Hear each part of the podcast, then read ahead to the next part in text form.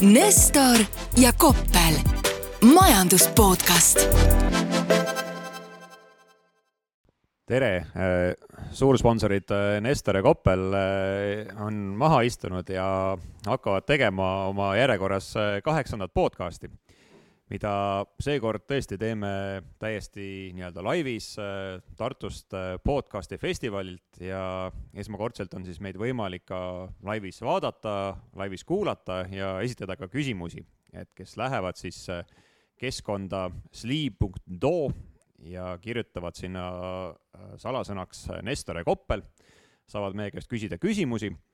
ja ka SEB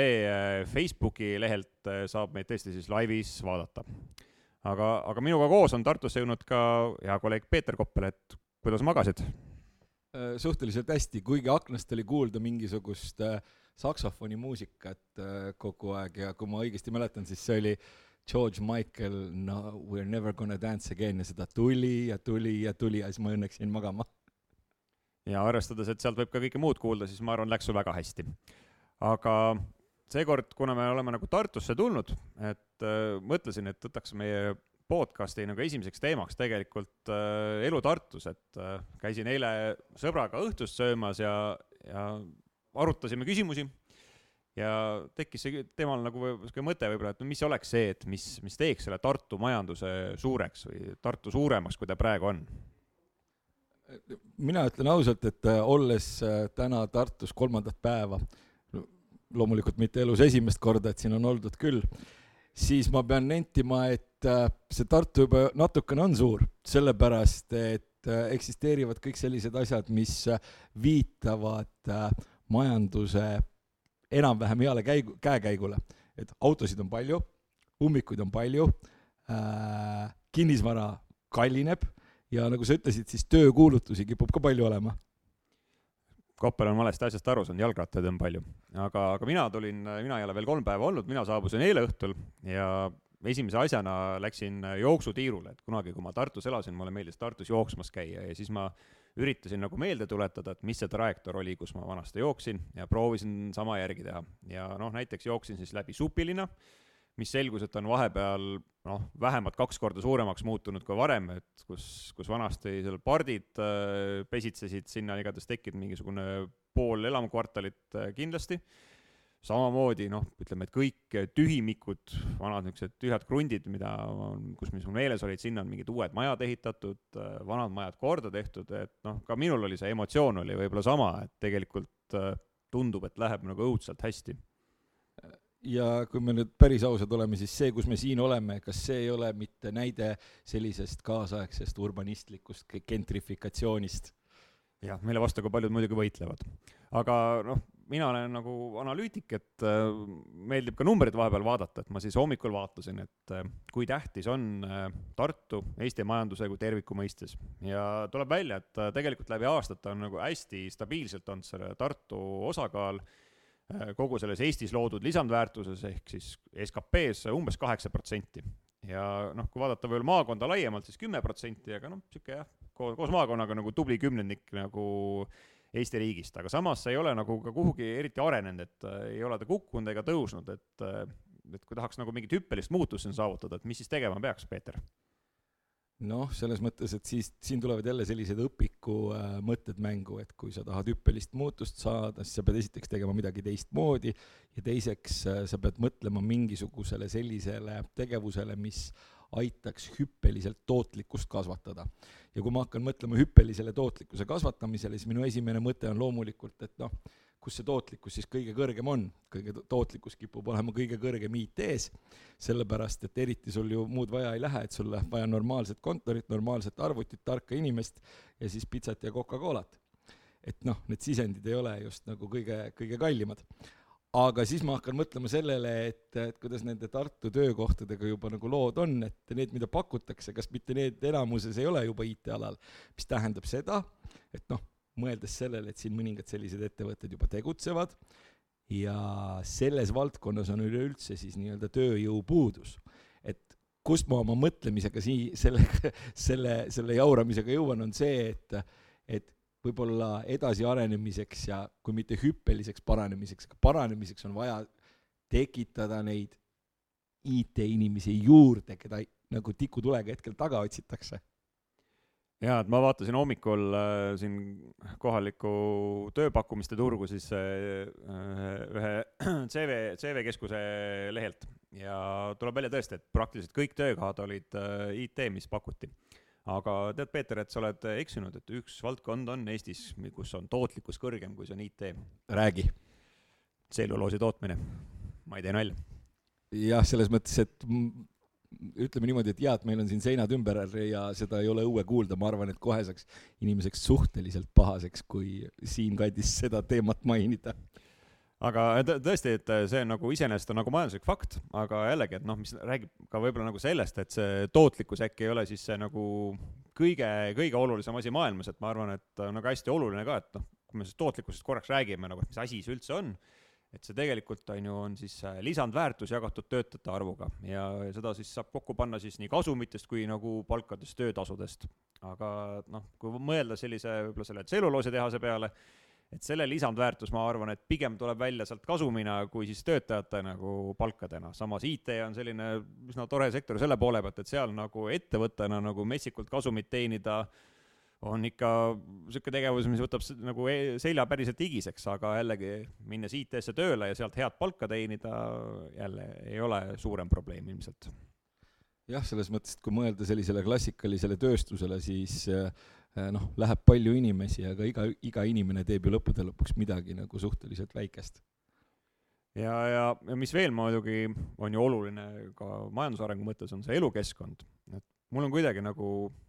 tutvusringkonnas sattunud hästi paljud inimesed ütlema, et kui nemad saaksid valida ühe koha Eestis, et kus nemad tahaksid elada lihtsalt selle elukeskkonna mõttes, et see oleks kindlasti Tartu. ja noh, paratamatult selle osa on ka see, et sul ongi siin väga palju parke, ei ole mingit suurtööstust äh, linnas sees äh,, inimesed saavad sõita ilusti jalgrattaga, et ka see on nagu oluline komponent, mis tegelikult lõpuks teeb ühe linna rikkamaks see teeb linna rikkamaks ja see tekitab mingisugustes kontekstides kindlasti ka tahtmise mingisugustele ettevõtetele siia tulla. et võidakse küll öelda, et Tartus kestab kolmapäev nädala, aga olgem ausad, võrreldes Tallinna ja Harjumaaga on siin inimesed oluliselt vähem närvihaiged. Äh, üks teema, mis ma veel nagu selle noh, kui eile õhtul nagu sõbraga nagu mõtteid põrgatasin selles osas, et äh, mis teeks siis nagu mingit kohta Eestis, olgu selleks siis Tartu nagu rikkamaks, on tegelikult niisugune heas mõistes ka nagu kolkakapitalism. et on olemas mingisugune seltskond inimesi, kes on hästi ettevõtlikud, kes võiksid oma äri ajada kuskil ükskõik millises maailma nurgas, olgu see Silicon Valley, äh, New York, Tallinn äh, või Tartu, ja nemad millegipärast äh, langetaksid selle otsuse just Tartu kasuks, et nemad soovivad siia tuua oma ettevõtte ja just ettevõtte sellised nagu hästi makstud töökohad aga, aga noh, Tartu puhul mulle kohe nagu esmalt nagu pähe ei turgatanud niisuguseid nagu häid lugusid.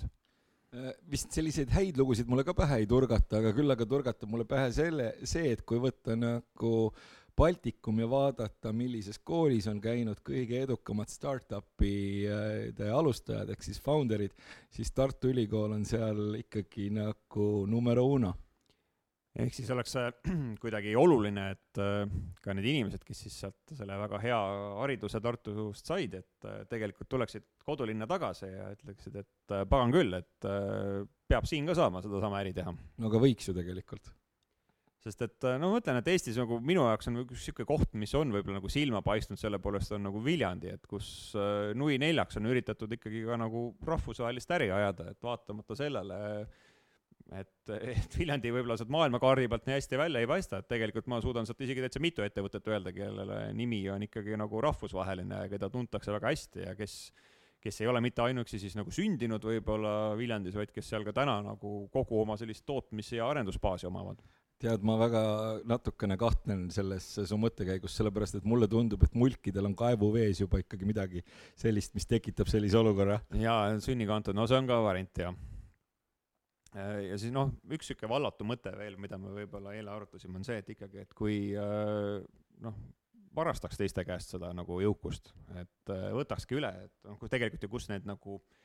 kust see skp tuleb, et inimesed toodavad, et inimesi on juurde vaja, nagu sa tegelikult ka ennem ütlesid IT-sektori töötajate kohta, et võtaks lihtsalt võib-olla Võru, Põlve ja Jõgeva üle ja tooks inimesed siia ära ja saaksidki Tartusse parema elu ja kõrgema palga peale aga kas mitte selline protsess juba tegelikult mingis kontekstis aastaid ei käi, et äh, kui pealinna vaadata, siis põhimõtteliselt pealinnas paistab see väga selgelt silma, et igalt poolt ümberringi võetakse, tullakse siis äh, pealinna ja sellisesse nii, nii-öelda sellesse suuremasse Tallinnasse ära. Ja nii palju, kui mina olen aru saanud, täpselt sarnane protsess väiksemates mastaapides toimib ka Äh, tegelikult Tartu ja võib-olla natukene veel väiksemates mastaapides Pärnu kontekstis. ehk siis need tõmbekeskused paraku võtavad, mõjuvad sellise vaakumpumbana tööjõule.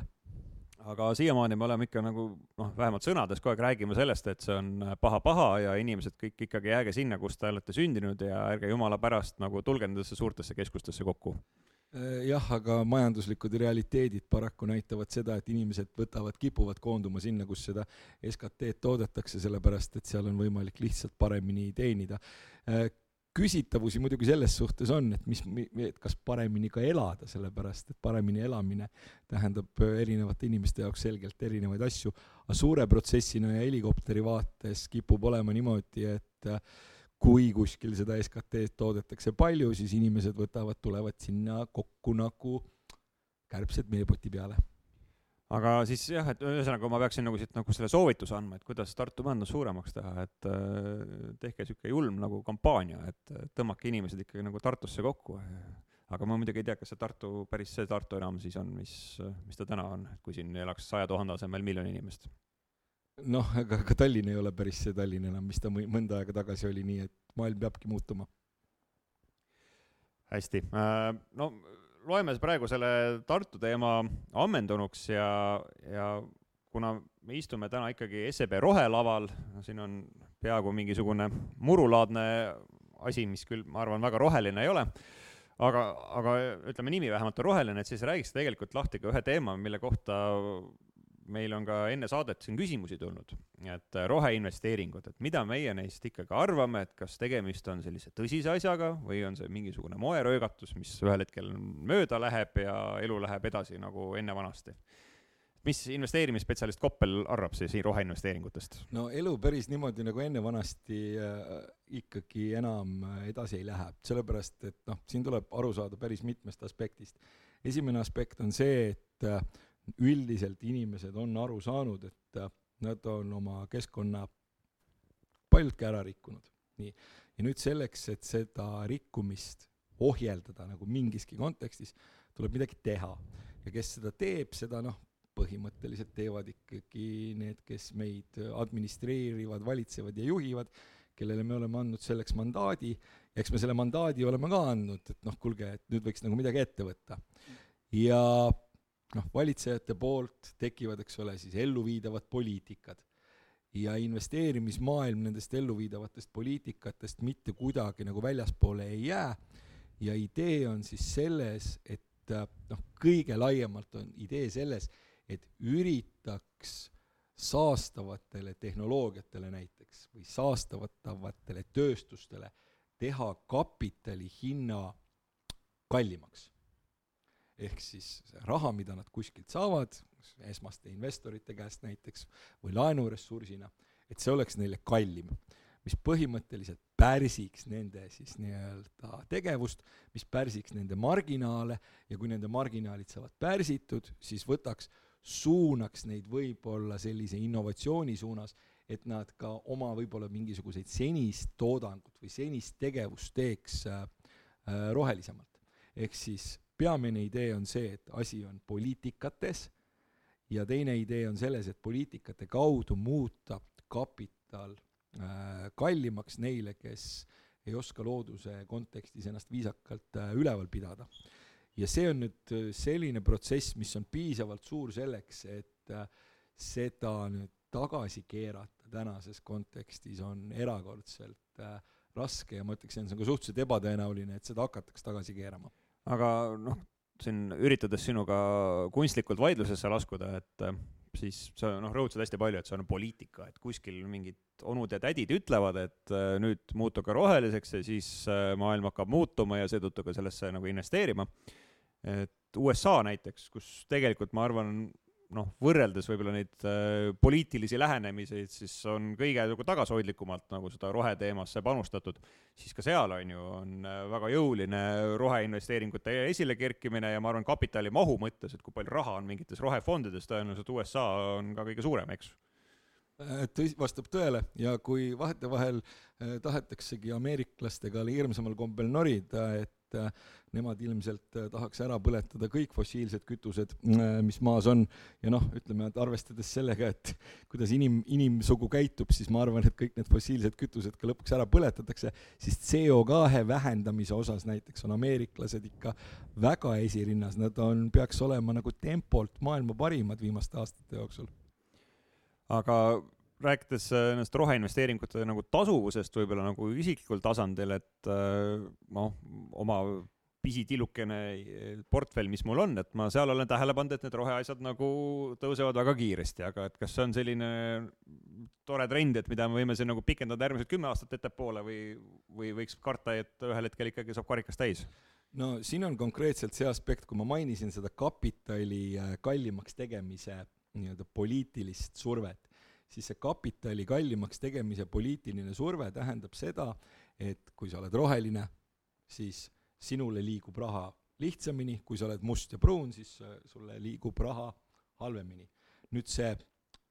olukord, kus siis sulle peaks raha kergemini liikuma, tähendab seda, et kui sa oled roheline, siis nende ettevõtete fundamentaalselt õigustatud väärtus kaupleb näiteks börsil preemiaga nende suhtes, kes nii korralikult ei käitu. ja see preemia, mis sinna tekkinud on,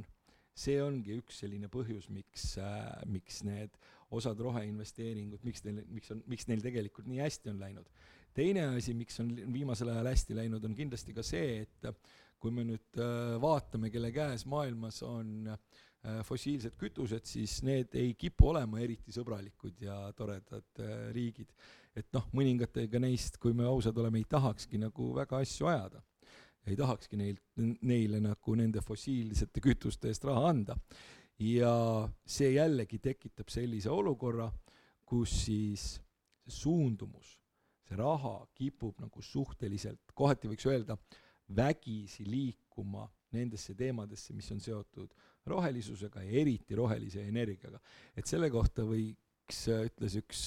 Eesti tuntud majandustegelane kunagi, et kui on jõud taga, siis lendab isegi kana mesipuusse. et veidikene on sellel selle kana ja mesipuu teemat hetkel taga küll, jah aga ikkagi oluline, kas kana jääbki mesipuusse lendama, et kas ma võin ikka nagu minna full roheliseks ja loota, et ma olen kümme korda rikkam mees varsti tänu sellele? kümme korda rikkam, no selleks sa peaksid olema, esiteks sa peaks tõenäoliselt kasutama võimendust ja teiseks tegelema väga jõuliselt fundamentaalanalüüsiga. veel parem, kas sa laenaks mulle raha, et ma saaks roheinvesteeringuid teha? tead, sulle isegi laenaks, mitte küll palju, seepärast et sa oled muidu usaldusväärne ja tore inimene, sulle isegi laenaks. aga äh, kui sa mõtled nagu selles kontekstis, et sina kui indiviid, kes võtaks, hakkaks laenurahaga ja näiteks aktsiaturgudel rohelistesse teemadesse investeerima, siis noh, see on minu kui investeerimisprofessionaali jaoks iseenesest kohe selline mõte, mis mul aju valutama paneb. mis puudutab, ütleme seda, et kui me leiame, et, et noh, meil on vaja planeeti päästa, meil on roheline suundumus, et kas finantsinstitutsioon laenab kellelegi selleks, et teha mingisugust nii-öelda roheprojekti, siis loomulikult kõiki projekte tuleb hinnata selles kontekstis, et nad oleksid ühel hetkel ka tasuvad. aga jälle see poliitika võtab, tekitab sellise olukorra, et kui ka finantsinstitutsioon laenab mingisugusele sellisele projektile, et siis see, jälle see kapitali hind, see kapitali hind on see, mis on see äh, nii-öelda kõige olulisem muutuja selles kontekstis, et kui te mõtlete mingisugusele nähtusele nimega roheline võlakiri või roheline laen, siis idee ongi selles, et kui sa käitud korralikult, sa saad lihtsalt odavamalt ja parematel tingimustel ja kui sellist asja juhtub palju, tekib selline noh, suur, suur massiefekt ja see nügibki kogu protsessi tegelikult õiges suunas. Ehm, üks asi, mis kui nagu tuues seda võib-olla meie juttu nagu Eesti kontekstis, mis minu jaoks on nagu üllatav olnud, on see, et tegelikult Eestis siiamaani ei ole nagu vähemalt selliseid mingi suuremaid äh, ennast nagu rohelisena sildistavaid ettevõtteid, ettevõtmisi, startup'e tekkinud, et noh, kindlasti ma nüüd teen liiga, et kuskil kindlasti midagi on, aga midagi sellist, mis oleks väga suureks saanud veel mitte, et kus ma nüüd ei eksi, et siis juba öeldakse, et üheksa ükssarvikut, on ju, ehk siis miljardi dollari väärtusega ettevõtet on Eestis alguse saanud,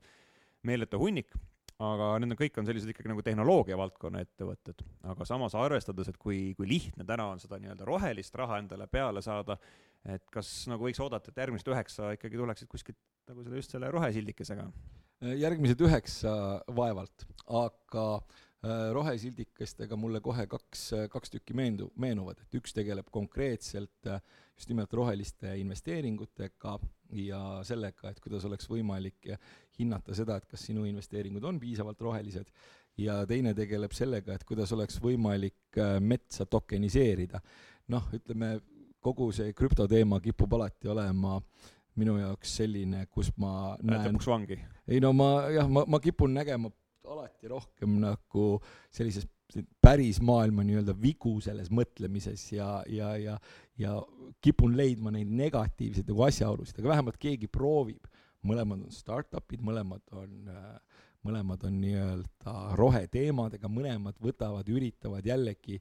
tekitada või osaleda selles protsessis, et kogu see suur süsteem ja protsess liiguks nii-öelda roheluse suunas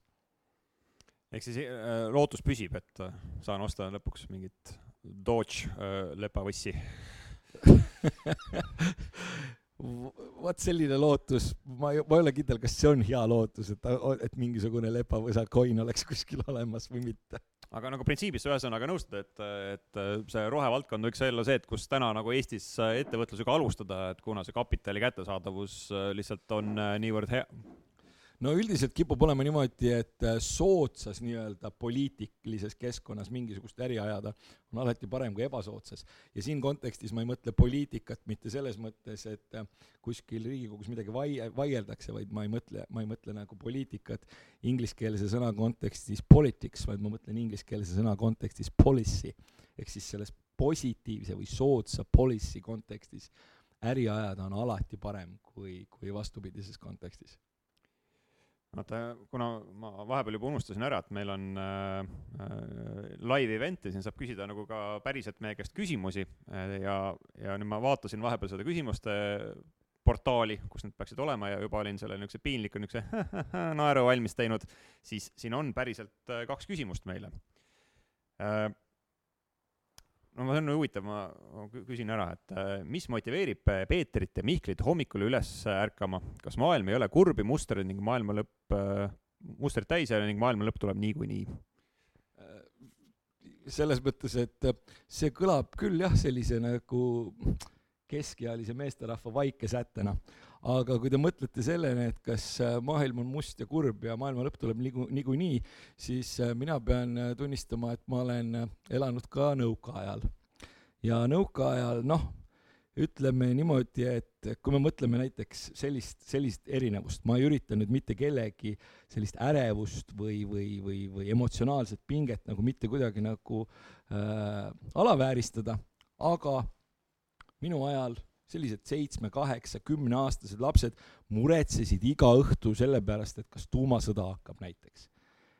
et see pinge või see mure või see, et kõik on must ja paha, äh, noh, see on, see on kuskil kuklas nagu kogu aeg, sellest tuleb lihtsalt otsustada äh, üle olla või kui otsustamisest aitab, pöörduda, pöörduda kellegi poole, kes aitab sellest üle saada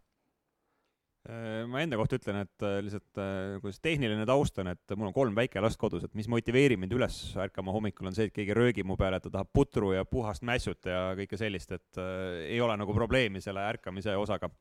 aga seda kuidagi nagu majanduse konteksti tuues, siis äh, ega mulle tundub, et tegelikult see igapäevane nagu olme ja argi, et äh, ongi see, mis väga paljusid eestlasi nagu üles ajab, et kui me vaatame ka näiteks seda, et noh, käib suur sõda Ukrainas äh,, võiksime Eestis olla ka kuidagi nagu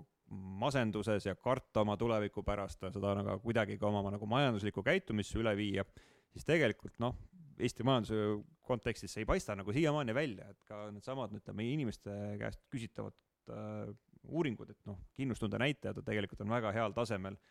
Oma eelmises podcast'i osas ka rääkisime sellest, et see päriselt peegeldub nagu selles, et inimeste majanduslik käitumine on suhteliselt optimistlik, et, et mulle tundub, et noh, vaatamata tõesti sellele, et maailmas on palju väga koledat, et tegelikult äh, eestlased oma käitumist nüüd äh,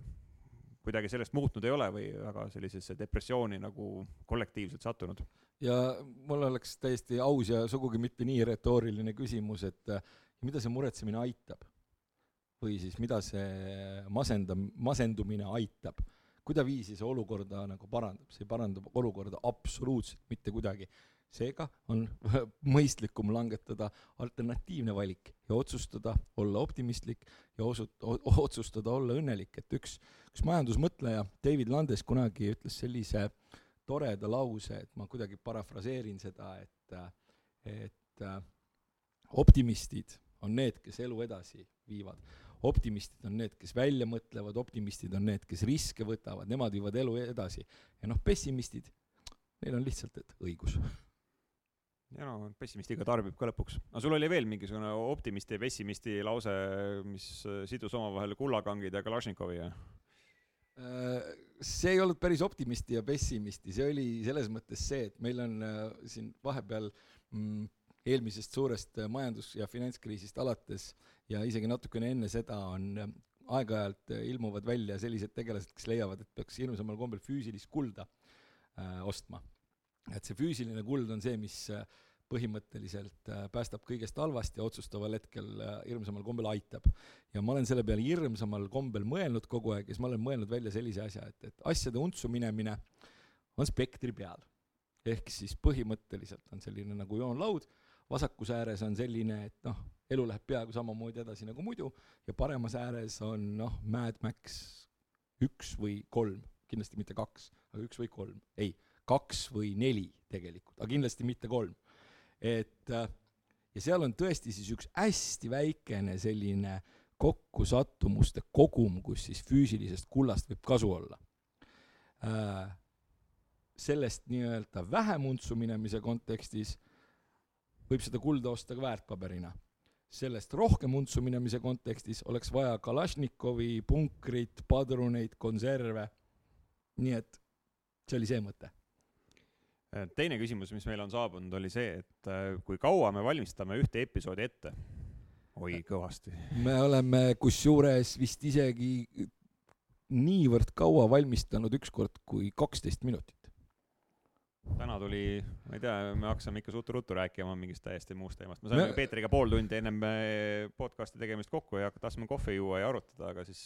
läks lappama. Läks veidikene lappama ja, ja mul tekkis selline soov, mida ma ei oleks arvanud, et mul kunagigi tekib, minna Londonisse vaatama muusikali Back to the Future. väga seotud majandusega. aga ega laias laastus äh, ma arvan, et äh, me nagu majandusuudiseid loeme selles mõttes kogu aeg ja elu on täna põnev, et see annabki kindlasti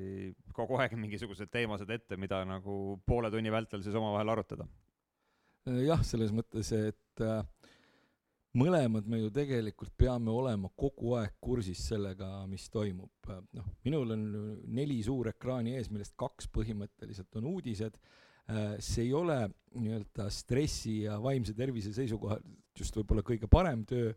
aga noh, see tähendab ka seda, et ma ei pea hakkama vist äh, enne iga podcasti episoodi vaatama, et mis nüüd tegelikult toimus, vaid see tegelik toimumine on mul nii-öelda jooksvalt kogu aeg kuskil kuklas olemas. Ja no mina ei jõua nii palju neid uudiseid jälgida, kas ma podcast'i käigus Peetri käest küsingi, et äh, mina ei jõua nende USA turgudega seal kogu aeg niimoodi tegeleda, nagu sina tegeled. no ja Mihkliga on, Mihkliga on selles mõttes hea asju ajada, et ta vähemalt küsib intelligentseid küsimusi äh, vaatame, et aeg hakkab siin juba ühele poole peaaegu saama, aga et kuna meil on täna nagu päris inimesed saalis, et äh, kas keegi tahab äh, ka, ka saalis viibijatest mingisuguse küsimuse küsida, et mida me jõuaksime veel siin kiiresti Peetriga põrgatada? Voh, väga hea, ma juba mõtlesin, et ma pean tegema nagu vahest üliõpilastega, et jään kellelegi otsa vaatama nii kaua, kui ta midagi küsib. jaa, aitäh ettekande eest. selline küsimus tekkis, et, et me tunneme krediidireitinguid, mis, mis kajastavad krediidiriski kas siis ühe numbri või äh, mingisuguse tähega, aga äh, kas teie arust oleks see võimalik teha ESG reiting mis äh, oleks üks number või täht ja see võetakse äh, näiteks Eesti pankade poolt kasutusele, et ei peaks äh, iga pank hakkama eraldi siis näiteks hindama, kui, kui hea on mingi ettevõte, kellele laenu antakse no sellega kipub olema selline lugu, et alguses teevad kõik enda moodi reitinguid ja siis ühel hetkel kiputakse neid harmoniseerima. ja kui ma vaatan seda, milline on äh, ka näiteks investeerimise fini-, fina-, finantseerimisvaldkonnas see, see suundumus, siis see suundumus on ikkagi nagu suhteliselt suure standardiseerituse äh, suunas, et ma absoluutselt ei imesta selle üle, kui meil suhteliselt varsti noh, kuidas nüüd öelda, et kui inimene majandusest midagi teab ja talle öeldakse, et millegi reiting on triple A, siis ta saab aru, et see on nagu parim, ja, ja kui talle öeldakse, et millegi reiting on triple B, et siis äh, sellest parem saab olla, aga sellest halvem läheb juba väga halvaks. et ma olen suhteliselt veendunud, et varsti tekib mingisugune selline harmoniseeritud reitingute süsteem, mis on vähemalt inimestele, kes mingil määral teemaga kokku puutuvad, niimoodi selja-aju tasandil arusaadavad mulle väga meeldiks, saab kuidagi Excelisse panna lihtsalt. Aga ma vaatan, meil tegelikult on vahepeal igasuguseid mitmeid küsimusi veel tulnud sinna chati ka, aga, aga ma selle nii-öelda ametliku äh, podcast'i keeraks seekord lukku, ütleks aitäh, aga me jääme siia Peetriga istuma ja räägime need teemad lõpuni. räägime need teemad lõpuni no näiteks mulle ikkagi õudselt meeldib üks küsimus, mis ma siin näen, et äh, kas Peeter Koppel üürib veel endiselt korterit ja kui jah, siis miks? äh,. aga miks mitte, ma tahan, sellepärast et äh, minul plaan, plaan on selline, et ma tahaksin äh, elada majas ja ma ei tahaks elada nagu linnas. Ja minu praegune elu selgelt, eks ole, võimaldab mul või, või on mõistlik tekitada nii-öelda see vabadus, et akumuleerida kapitali selleks, et ühel hetkel võtta elada kuskil mujal. Ja noh, loomulikult oleks võinud soetada ka mingisugust nagu, nagu kinnisvara, aga no ma ei ole tahtnud lihtsalt. Siin on see tahtmine ka, et see ei ole võib-olla kõige ratsionaalsem käitumine, eriti kui vaadata nagu ajalukku ja seda, mis hinnad teinud on. aga noh, õnneks on muid investeeringuid ka ja ma ei tea, paindlikkus sest et sellega tegelikult on ka nagu seotud see järgmine küsimus, mis siin on, et äh, millisesse varaklassi te investeeriksite praegu ja kas korterite ostmine on veel hea idee või sellele hind on liiga kallis, et noh, ma täpselt, mina kommenteeriks, et Peeter on ikka siin kõvasti rahast ilma jäänud, et kui sa siin, ma ei tea, millal sa seda korterit üüri maksid, kümme aastat tagasi, et oleksid siis midagi ostnud, siis oleksid praegu mäel no vot jah, ja oleks ma ostnud ka mm, neljasaja euro eest Bitcoini kogu raha eest, mis mul oli, siis ma oleks väga kõrgel mäel. sellest ma olen juba rääkinud, selle, sa räägid siuksest vanamehe coinidest, et ikkagi seal on mingid vahvamad Dogecoini oleksid pidanud ostma. jah, aga ei, selles mõttes ma olen äh, nõus, eks kõik me võtame, kui me investeerime, kui me teeme suuri nii-öelda majanduslikke otsuseid, siis äh, mõningad neist ei pruugi väga hästi välja kukkuda ja minul tõepoolest, ma võin ka tunnistada, et oleks olnud mõistlikum soetada mingisugune kinnisvara ja siis tulla iga päev õhtul rõõmsameelselt koju ja, ja mõelda, et jälle on natukene juurde tulnud nagu isiklikku net worth'i, aga noh, seda ei teinud, siis ei teinud, noh. Äh, küsimus, kas teie olete krüptovaluutasse investeerinud? krüptovaluutasse ei ole võimalik investeerida. investeerida saab asja, millel on kasutusväärtus ja millele on võimalik anda mingisugune fundamentaalne hinnang ja leida, et selle asja väärtus nii-öelda õigustatud väärtusest erineb. kuna seda ei ole võimalik äh, ühegi krüpto puhul teha, siis kõik, mis krüptoga tehakse, on spekuleerimine. sa spekuleerid lihtsalt selle, selle, selle üle, et sa tõenäoliselt vahetad raha millekski huvitavaks ja sa eeldad, et sa saad selle huvitava asja vahetada tulevikus, kas suurema koguse raha vastu või siis mingisuguse asja vastu, aga see ei ole investeerimine, sellepärast et äh, ma ei ole näinud mitte ühtegi mõistlikku inimese poolt produtseeritud mõistlikku materjali sellest, kuidas hinnata mingisuguse krüpto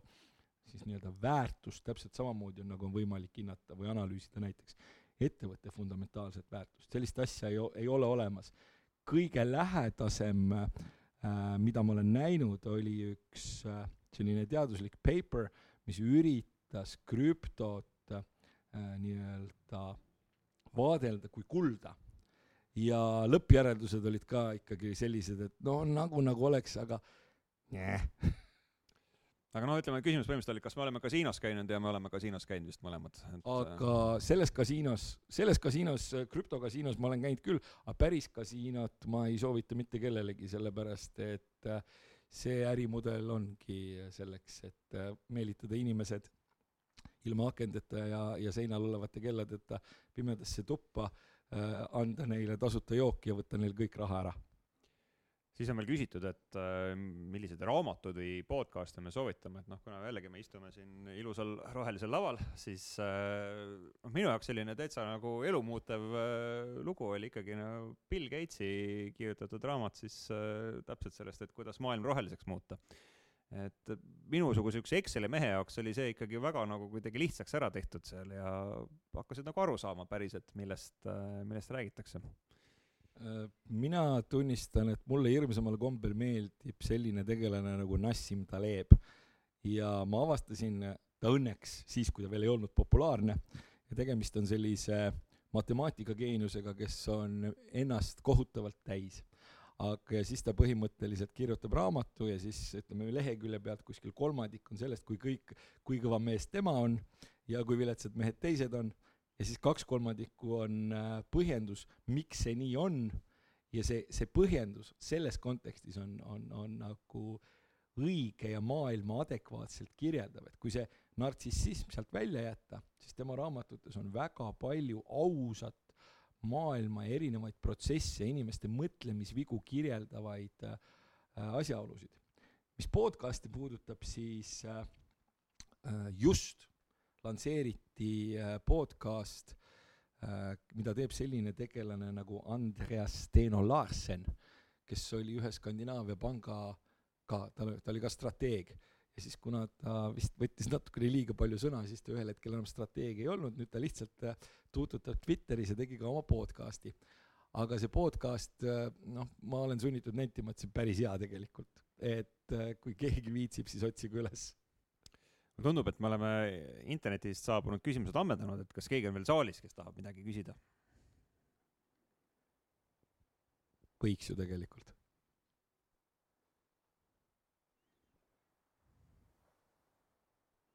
praeguses äh, majandusväljavaates äh, äh, noh, keskpikas siis perspektiivis hindaksite seda otsust näiteks inimestel pensionifondidest lahkuda ja, ja raha sealt välja võtta? No vaadake, ehitusmaterjalid lähevad kogu aeg kallimaks, et need, kes ostsid äh, seal sügisel ehitusmaterjalid ära pensioniraha eest, et äh, nad praegu peaksid rohkem maksma selle eest selle kohta ma ütleksin niimoodi, et ühest küljest mina sellise äh, salalibertaarina ütleks, et noh, loomulikult inimestele tuleb raha nagu kätte jätta äh,. teisest küljest niimoodi ratsionaalselt mõtlevana mõtlen ma siis sellele, et nii et kui oletame, et kellelgi on, eks ole, pensionini aega stiilis kolmkümmend aastat, siis ja ütleme, et aktsiaturgude reaal, pikaajaline reaaltootlus keskmiselt on kuskil kuus, kuus pool protsenti, siis kust kohast mass tavalisi inimesi saaks kuuepoolese nii-öelda reaaltootluse pika perioodi jooksul, et äh, vananduseks endale kapitali akumuleerida. noh, ei ole sellist asja see kohustuslik on see üle, mis, see küsimus, mille üle sealt tuleb siis nii-öelda võib-olla tekib see mingisugune arutelu, aga põhimõte selleks, see, see põhimõte, et akumuleerida step by step endale,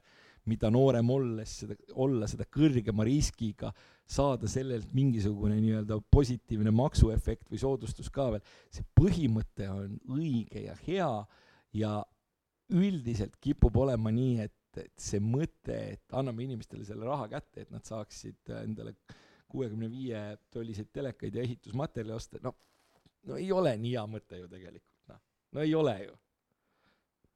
sa ei hinda televisiooni. kas äh, keegi tahab veel küsida saalist? et äh, läheb samasse teemasse, et, et äh, kui nüüd näiteks võtta ja, ja allokeerida ümber oma neid vahendeid seal mingisuguste pensionifondide vahel, kas äh, noh,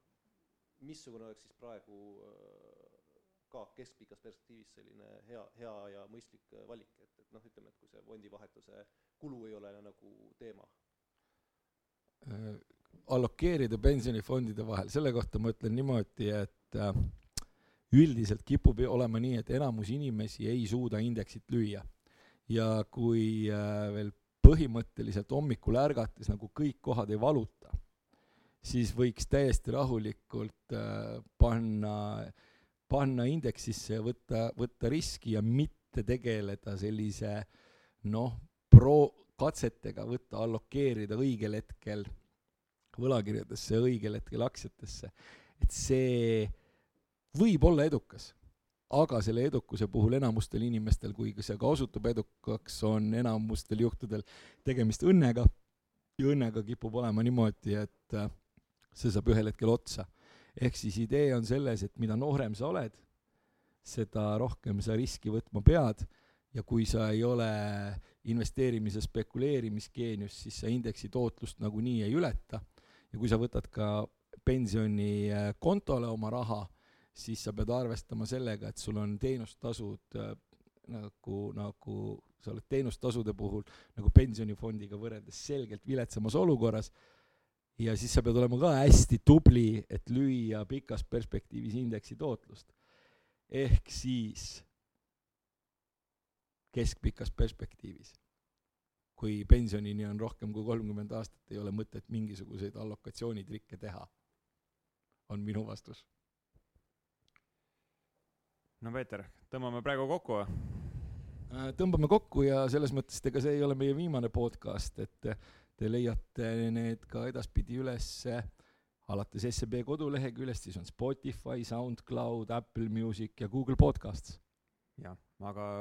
väga huvitav oli inimeste ees seekord rääkida, et aitäh kõigile, kes kohale tulid ja meid ka kaugelt kuulasid. aitäh!